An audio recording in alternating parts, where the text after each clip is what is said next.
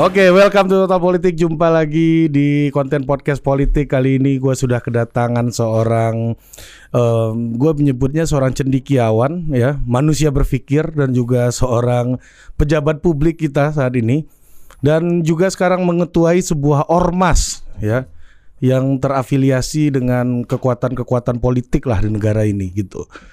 Ya, gua kenalkan Jerry Sambuaga. Ya, Ini lu gua aja nggak apa-apa ya. Boleh santai aja iya kita. kan? Kita kan satu alma Satu mater. generasi. Iya, satu satu visip kan? Satu visip, iya, siap. Beliau ini semuanya termuda-termuda ini kan.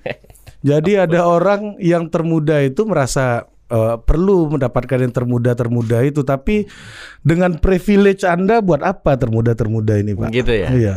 Jadi gini, sebetulnya kan kalau kita bicara muda kan kita tidak hanya bicara usia ya, Hmm. tetapi kita juga bicara soal semangat. Kita bicara soal konsep, gagasan dan tentunya semua yang bisa kita kontribusikan ya Hmm. untuk untuk negara dan bangsa. Itu satu. Kedua tentu kita melihat ya kebetulan saya sekarang tadi ya seperti Mas bilang mengetuai sebuah ormas yang namanya AMPI. Hmm. Angkatan Muda Pembaharuan Indonesia, sebuah ormas yang eh, didirikan oleh Partai Golkar yang merupakan salah satu eh, elemen kepemudaan ya yang memang bisa ditujukan untuk memberikan ruang dan tempat sebetulnya dan kesempatan kepada pemuda-pemuda untuk bisa berkarya dan memberikan aksi-aksi yang nyata melalui AMPI ini Oke, gitu mantap kira-kira. itu itu pembukaan pidato template beliau tuh di acara-acara daerah tuh pasti Iya itu. iya. Template seperti itu. ini memang. Nggak ini apa namanya? Ini partai Golkar ini kan partai tua ya. Iya, Maksudnya partai itu kalau udah ikut empat kali pemilu itu udah pasti pemilihnya udah jelas lah Ya, gitu kan. segmennya. Udah tahu orangnya siapa Betul. aja. Dan bahkan ya elit wajah elitnya dari dulu kayaknya nama belakangnya sama semua nih gitu kan. Dulu saya baca bu, tulisannya Pak Teo Iya, gitu siap. kan. Ada eh, tulisannya Pak Akbar Tanjung sekarang udah penurunan ke generasi berikutnya Bener, juga. bener. Pak Teo juga, Pak Ade Komarudin juga, Bener. Pak eh, Agung Laksono juga. Betul. Ya kan, siapa yang belum ya, Pak? Gua bisa absen loh satu-satu loh. Iya, bro, siap.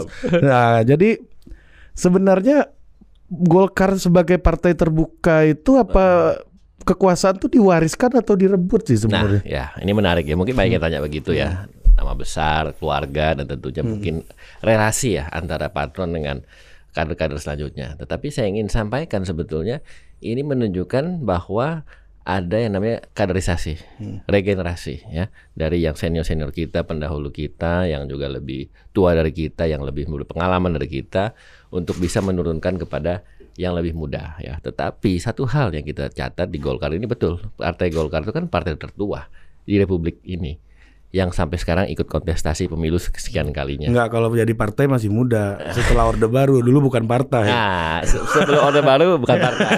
tapi ikut namanya. tapi ikut pemilu. Tapi gitu Mila itulah Satu-satunya di dunia itu kan. itu istimewanya Golkar ya kan? Nah, karena itu makanya kita mungkin ditempa dibentuk dan juga mungkin di apa ya mungkin di di ya melalui banyak perjalanan ya. Nah itu satu. Kedua tentunya ini semua menjadikan Golkar itu eh, banyak eh, memiliki tidak hanya kader muda ya, tetapi seluruh kader terbuka segala jenis background, segala jenis eh, apa namanya latar belakang ya, dan tentunya memberikan kesempatan kepada siapa pun ya. Kalau kita lihat tidak cuma yang tadi disebutkan yang mungkin pendahulunya sempat di Golkar atau orang tuanya atau kerabat atau keluarganya, tapi banyak juga yang memang eh, di luar dari keluarga yang mungkin selama ini sudah di Golkar juga ikut aktif di Golkar, ya kan? Saya bisa kasih contoh. Ya kebetulan yang nama-nama itu mungkin tidak terlalu banyak mungkin dibicarakan karena memang patronnya mungkin bukan dari Golkar misalnya. Nah, tetapi dia sekarang masuk di Golkar uh, dan juga teman-teman ini juga memulai meniti karir juga di Golkar. Nah, tapi yang ingin saya sampaikan sebetulnya adalah begini.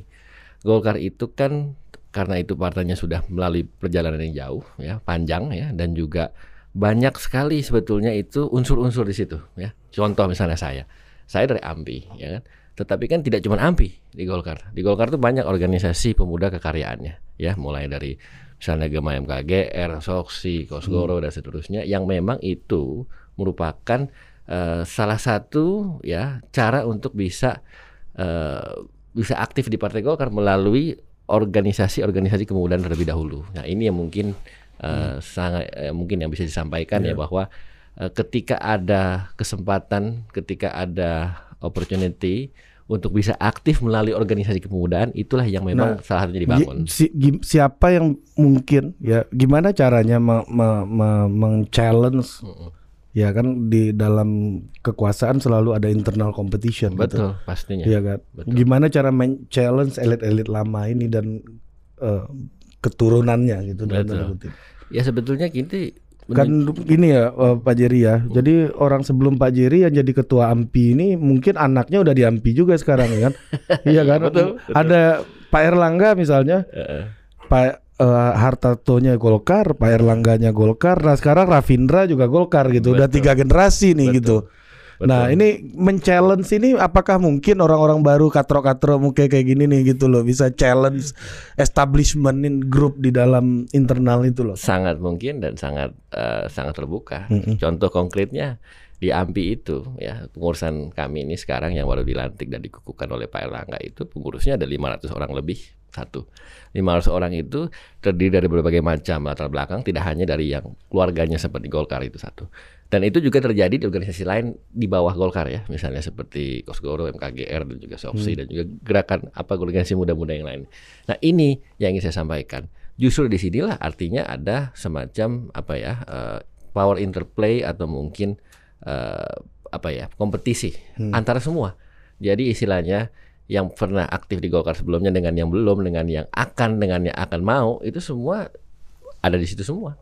Bertarung, berkompetisi dan tidak selalu yang katakanlah memiliki nama besar. Itu selalu menang dalam setiap kontestasi politik melawan yang misalnya pendatang baru. Nggak semua seperti itu. Itu bisa dilihat dari misalnya contoh pileg atau pilkada atau mungkin Iya. kontestasi politiknya yang lain ya. Saya pikir itu menunjukkan bahwa ini partai terbuka kepada siapa pun. Tidak hanya kepada yang apa namanya yang tidak memiliki kerabat yang memiliki kerabat juga terbuka. Artinya ini semua dikontestasikan dalam sebuah apa namanya sistem yang memang kita itu dalam kultus apa namanya kepartian kita kan mengedepankan sistem.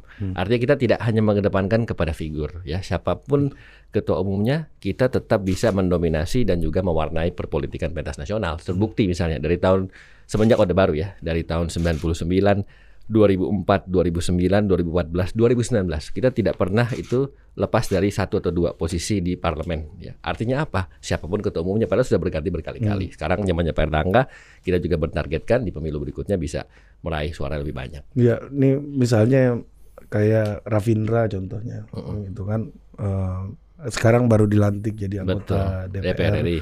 Yang tadinya PAW kan, jadi Betul. PAW ya lawannya Bang Ihsan almarhum waktu itu kan. Betul. Bang Ihsan bisa bisa mengalahkan anak ketua umum Nah, gitu. itu ya. itu kan salah satu contoh ya. Nah, maksud saya apa kualifikasi Bang Ihsan sehingga beliau bisa men-challenge bahwa Betul. kekuatan utama itu yang perlu Betul. dijelaskan ke teman-teman gitu loh Betul. Pak Jerry. Jadi mungkin di Golkar itu kuncinya ya yang Hmm. kita lihat itu kan kita punya konsep namanya PDLT, prestasi, dedikasi, loyalitas dan tidak tercelah. Artinya siapa pun dia Mantap juga. siapa pun dia mau- Akronim-akronim ini bos. Akronim, akronim yang harus kita tegakkan. Nah, artinya siapa pun seperti saya atau bukan atau mungkin teman-teman pemuda yang lain itu kita memiliki chance yang sama satu. Jadi sehingga yang bukan misalnya dari yang orang tuanya atau saudaranya pernah di Golkar juga memiliki hak dan kesempatan yang sama selama PDLT tadi prestasinya dia jelas, dia aktif di organisasi karena begini organisasi atau partai ini kan tidak tidak semuanya itu kegiatannya itu selalu rutin satu dan selalu wajib. Kadang-kadang kan butuh kesadaran diri untuk kita bisa aktif. Nah, tidak semua orang uh, memiliki apa namanya fighting spirit yang sama, tidak memiliki mungkin apa namanya tingkat keaktifan yang sama, tingkat kerajinan yang sama, tingkat apa namanya kualifikasi yang sama. Nah, nah di situlah justru mereka dibentuk dan mereka itu bisa berinteraksi satu sama lain untuk bisa ya menonjolkan dirinya baik dalam setiap kegiatan. Karena kan gini kun- kunci di Golkar ini kan Golkar ini kan banyak sekali. Pertama faksinya ya beraneka ragam lah dan juga unsurnya juga banyak. Pemudanya OKP-nya yang kekaryaan pemuda itu banyak sekali. Nah, dari situ kita mencari melihat mana nih kader-kader yang potensial, mana kader-kader yang aktif, mana kader-kader yang kalau yang rapat hadir. Karena kan begini, dalam organisasi kan sekali lagi itu kan sukarela.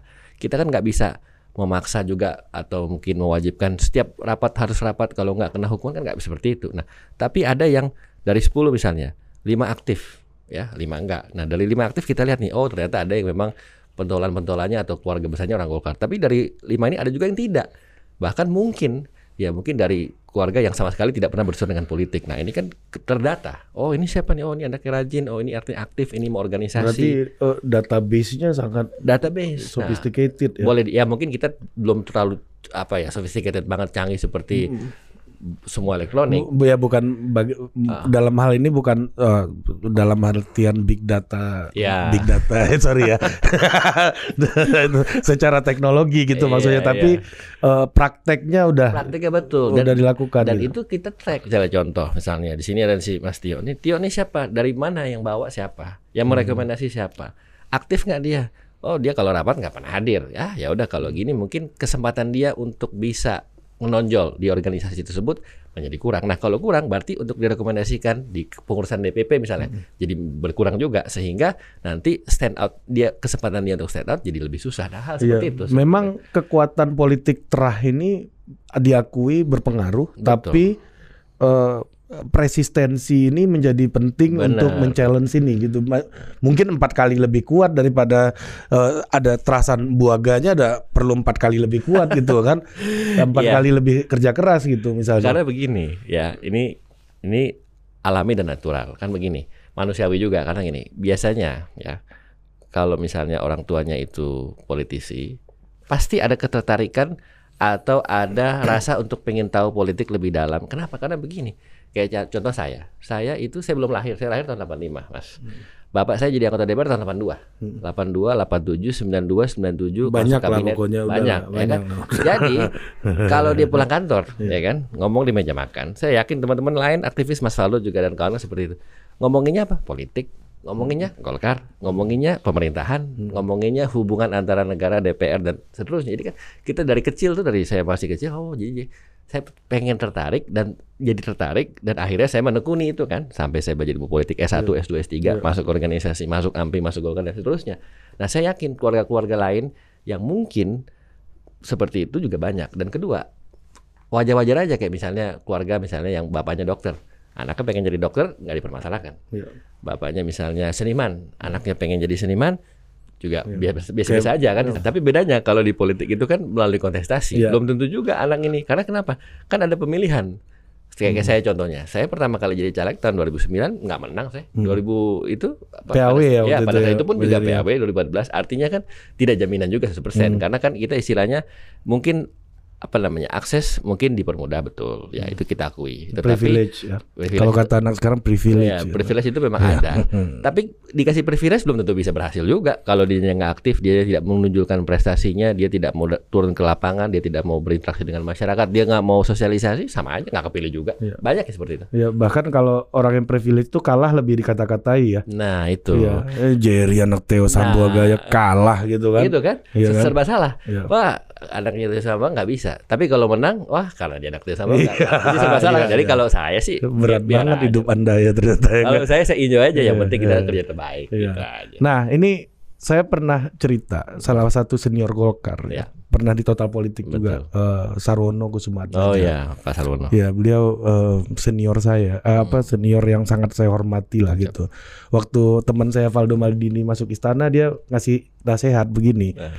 Ingat bahwa istana itu pusat intrik katanya. Wah, okay. jadi semoga bertahan di situ katanya kan. Nah, jadi itu nasihatnya Pak Sarwono waktu itu kan.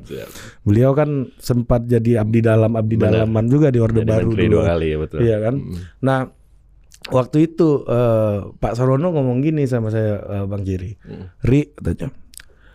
Kamu lihat deh um, apa di Golkar ini katanya. Waktu itu masa saya jadi sekjen, Pak Harto udah mulai menyadari bahwa Indonesia akan jadi multi partai. Hmm. Sehingga dalam multi partai ini yang akan bisa survive itu adalah orang-orang aktivis yang mengerti soal demokrasi gitu. Kita tentara-tentara ini harus agak mundur. Yeah. Karena Indonesia akan mengalami gelombang demokratisasi, Golkar harus survive. Makanya orang kayak saya dipercaya Pak Arto untuk megang jabatan sepenting sekjen padahal saya waktu itu masih sangat muda Betul. kata, kata Dan sipil. Ya Pak, ya bahkan sekjen sipil pertama, pertama kayak ya. ya Pak Sarwono. Nah, pertanyaannya bagaimana transformasi Golkar menurut hmm. Bang Jerry ini Betul. dari partai ini disertasinya ya, Pak Teo juga nulis ini kan. ya kan? Transformasinya, Transformasinya hari ini betul. hari ini ya. ya dari partai yang punya apakah em, kesan militer eh, kekuatan militer ini benar-benar ditinggalkan. Ya kita lihat Pak Ludwig lah sekarang kan yang jadi sekjen. Ya. background militer sebelumnya Betul. kan setelah orde baru image militernya relatif nggak begitu kelihatan Betul. betul. Nah, asang Pak Ludwig jadi sekjen ini apakah ini kebalikan ceritanya Pak Sarwono dulu? Betul. Ini kayaknya demokrasi makin kacau. Kita butuh tentara nih. Ah, gitu loh. Kalau saya ngeliat begini, Mas. Kalau zaman Orde Baru betul yang Sar- Pak Sarono katakan. Itu kan Golkar pada saat itu kan tiga jalur, ABG, ABRI, birokrasi dan Golkar. Golkar yang sipil non ABRI dan non PNS birokrasi ya. Sehingga kekuatan politiknya itu jelas ya. Dari unsur militer pasti diambil militer ABRI. Dari unsur eh, B birokrasi dari PNS PNS dan juga dari unsur Golkar tuh ya. Kayak kita kita ini sekarang yang sipil yang non PNS yang non ABRI. Pada saat itu Orde baru selesai berubahlah itu sistem. Udah ada- nggak ada lagi jalur A dan B. Semuanya G sekarang. Jalur G yang artinya direkrutlah dari yang seperti Pak Sarwono dan Pak Harto waktu itu sudah diskusikan. Mereka berdua menyadari ke depannya nih Golkar ini harus mandiri.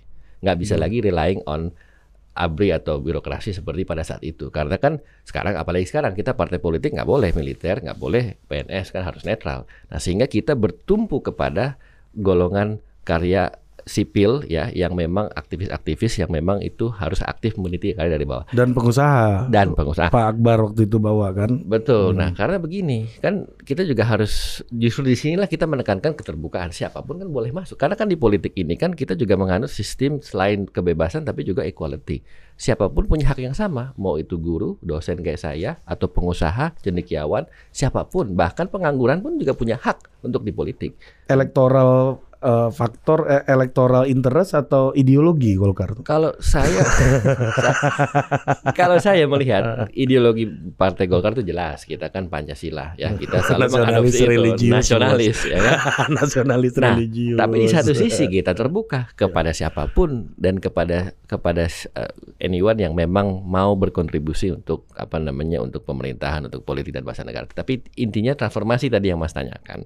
Kalau saya melihat kita ditempa dengan waktu dan pemilihan umum dan berkali-kali tapi karena mungkin kita sudah pada saat Orde Baru kita memiliki pengalaman dengan kita mengenal ABRI, mengenal birokrasi dan kita biasa berinteraksi dalam sebuah forum-forum yang selama itu sangat sophisticated untuk beradu argumentasi, data, pikiran dan gagasan sehingga pada saat eh, Orde Baru selesai tahun 98 99 kita pemilihan umum, kita masih tetap nomor dua karena kita terbiasa bertarung kader-kadernya.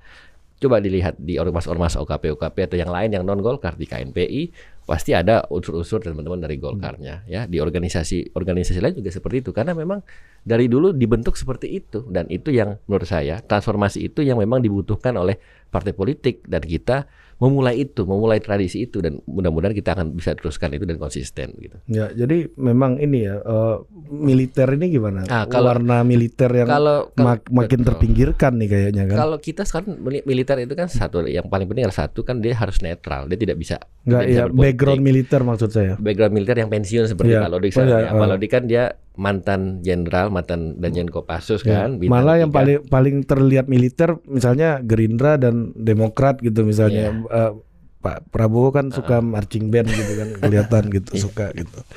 ya intinya gini, Hmm. kalau soal sekali lagi siapa pun apa pun backgroundnya mau militer non militer kita tidak mendikotomi itu. Kita tidak mendikotomi itu, kita tidak membuat sebuah polarisasi. Tapi apakah memang semakin tidak sesentral dulu lagi gitu dengan visinya Pak Harto gitu? Ya. Karena memang sistemnya beda. Kalau zaman Hmm. Pak Harto itu kan seperti tadi saya bilang, ABRI dilibatkan zaman Orde Hmm. Baru. Apalagi kan Golkar bukan partai seperti tadi Mas Iya. bilang Orsospol. Iya. seperti, nah, ya betul kan? Hebat juga ya.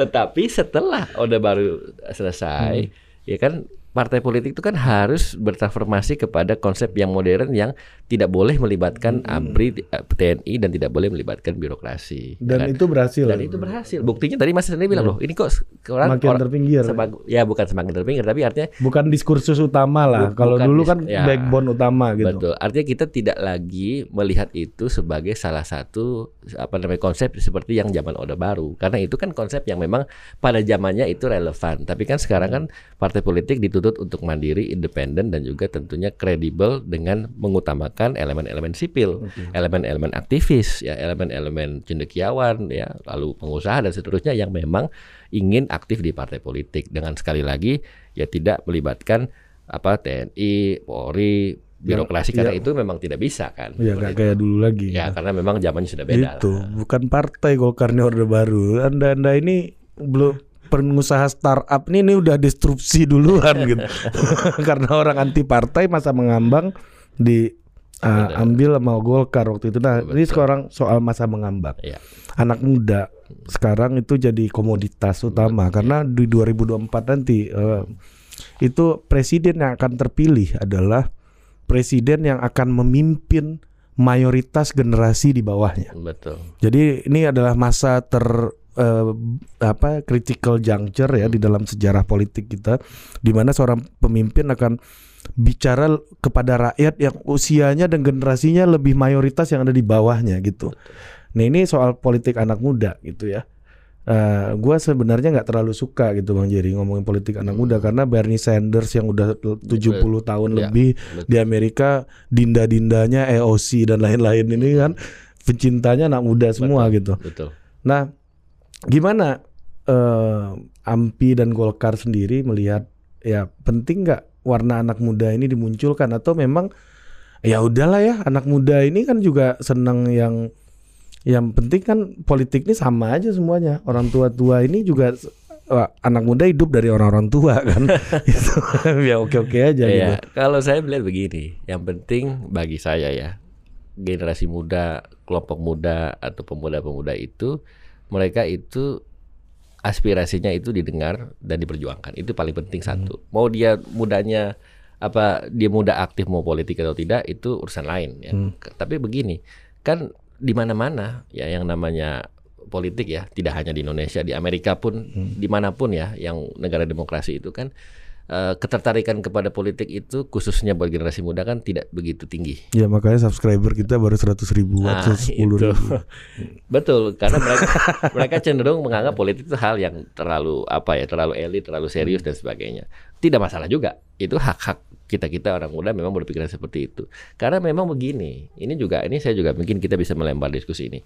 Karena ketertarikan kepada politik itu menjadi sulit, menjadi serba ini karena kenapa? Karena memang dari awal, dari kita SD, SMP, SMA sampai kuliah, kan memang nggak boleh politik masuk sekolah, nggak boleh kan politik masuk kampus, politik praktis ya. Ya, kecuali Golkar. Nah, ada zaman orde baru ya kan? Iya, kalau orde baru iya lain soal. Tapi kalau semenjak reformasi Iya, kan nggak boleh. nggak bisa. Artinya kan Kalau di Amerika boleh. Nah, di Amerika boleh. Iya. Bahkan di Amerika yang boleh pun, ya kan saya kan enam tahun di Amerika, Hmm. S1 S2, saya saya ingat banget kalau zaman orientasi apa masa orientasi itu yang political demokrat, yang Iya. political datang. Yang Demokrat, yang Iya. konservatif. buka gitu. booth, buka stand, nawarin, ayo aktif masuk kampus. Nah, itu pun yang seperti itu aja tingkat apatisnya terhadap politik masih tinggi. Iya, ya. dan kita bisa cek di Amerika Clinton waktu muda ngomong apa, Benar. si Kennedy ngomong apa sejak Benar. zaman dia di kampus. di kampus. Iya. Nah, kita kan tidak bisa. Iya. Sistem di Amerika yang Iya. gitu pun anak mudanya masih belum segitu antusias ke politik. Kalau sekarang di kita. di Indonesia menurut eh, Pak Jerry bisa nggak? Mungkin nggak kita lakukan itu? Saya sangat setuju dengan ide Nah, itu soalnya. kalau saya boleh memberikan semacam diskusi lah Iya. ini kan. Hmm, ini ini kan pemikiran-pemikiran. Iya. Karena kita Nah, brainstorming. kalau sini. saya sih mikirnya, oh UI Golkar yang menang, UGM Gerindra gitu. Jadi Ya. jelas gitu lu jangan kucing-kucingan kalau Ya. mau politik. Toh sekarang juga yang dukung juga orang-orang politik semua Iya. kan sama aja gitu. Kalau menurut saya, ini ini sekali diskusi, ini kan Iya. kita diskusi gagasan. Kalau menurut saya itu setiap uh, unsur politik, partai politik lah, bebas-bebas saja untuk bisa melakukan intellectual exercise di sekolah supaya masyarakat, supaya mahasiswa atau mungkin pelajar itu juga bisa mengerti dan memahami. Tetapi itu juga memang mesti di apa namanya didasari pada sebuah konsep yang harus uh, kondusif gitu kan. Kita juga harus melatih kedewasaan berpolitik juga di kampus di mana di mana pun di setiap level. Karena begini di setiap kan politik itu kan di dalam semua lini kehidupan. Politik is apa interest kan kepentingan maksud saya betul tadi Mas bilang daripada sembunyi-sembunyi Iya. mm. daripada tutup-tutup toh juga kita tahu pasti kan juga banyak Iya. orang politik Pak Jerry juga main pasti kan. Ngaku aja. Artinya- Nggak mungkin ampi diam-diam aja kan. Baku atur, baku atur pasti kan. Ah Dinda sini dulu Dinda. Ah ini atur nih Dinda. Sini man- ah, itu orang kita kunci situ itu kan. aja Mas Faldo kan. kita gak ikutan kan. Iya kan? Kalau Mas Faldo udah setiap pemilihan apa pun ini pesanan istana. Ah, dia udah klarifikasi itu. Kasusnya itu kalau Mas Faldo. Tapi intinya gini, yang penting kesempatan itu terbuka. Itu aja dan fair gitu kan. Setiap orang jangan jangan apa mendapat kesempatan yang tidak sama. Itu aja sih intinya. Nah ini terakhir nih eh, Pak Jerry sebelum kita akhiri bahwa dulu tahun 87 itu Krisye jadi lagu eh, ke apa nama kampanye, Kampanye Golkar. Ya saya punya kasetnya. Iya, aku cinta Golkar katanya kan. Iya. Kemarin saya setel, setel show masuk ke panggung di zaman Orde Baru kita bahagia. Oh enggak enggak enggak gitu. masuk gitu kan. Jadi ini sebuah approach populer gitu. Iya. ya. Eh, Golkar mulai ngepop gitu Iya. waktu itu dan melihat hari ini Mm-mm. Eh, Pak Erlangga juga gol-gol apa yang terbaik gitu. Golkar. Setuju itu. Ronaldinho, Ronaldinho ini kan Habibnya sepak bola ini. Aduh, Ronaldinho. Nah, pertanyaannya adalah ini eh, pendekatan pop ini kayaknya diulang lagi gitu. Iya, iya. Apakah memang ini jiwanya Golkar itu sengepop itu nggak sih? Kan orang tahu Golkar ini serius-serius Iya, gitu. betul. Nah. Ya, itulah memang salah satu mungkin cara ya, cara Hmm. kita untuk memasyarakatkan atau membumikan politik ya dan juga memberitahukan juga kepada masyarakat bahwa politik itu nggak cuma soal-soal yang serius atau jelimet atau mungkin rumit, tetapi juga bisa bisa bisa ngepop juga ya, blending dengan pop culture gitu. Cocok nggak sama Golkar gitu loh pertanyaannya? Kalau menurut saya sih gol dari bilang gol yang paling bagus Golkar cocok banget kalau itu. cocok banget. Agak maksa sih. Minimal kita coba. Minimal kita coba. Oke mbak Jerry, terima kasih. Sampai jumpa lagi di Total Politik berikutnya. thank you, thank you.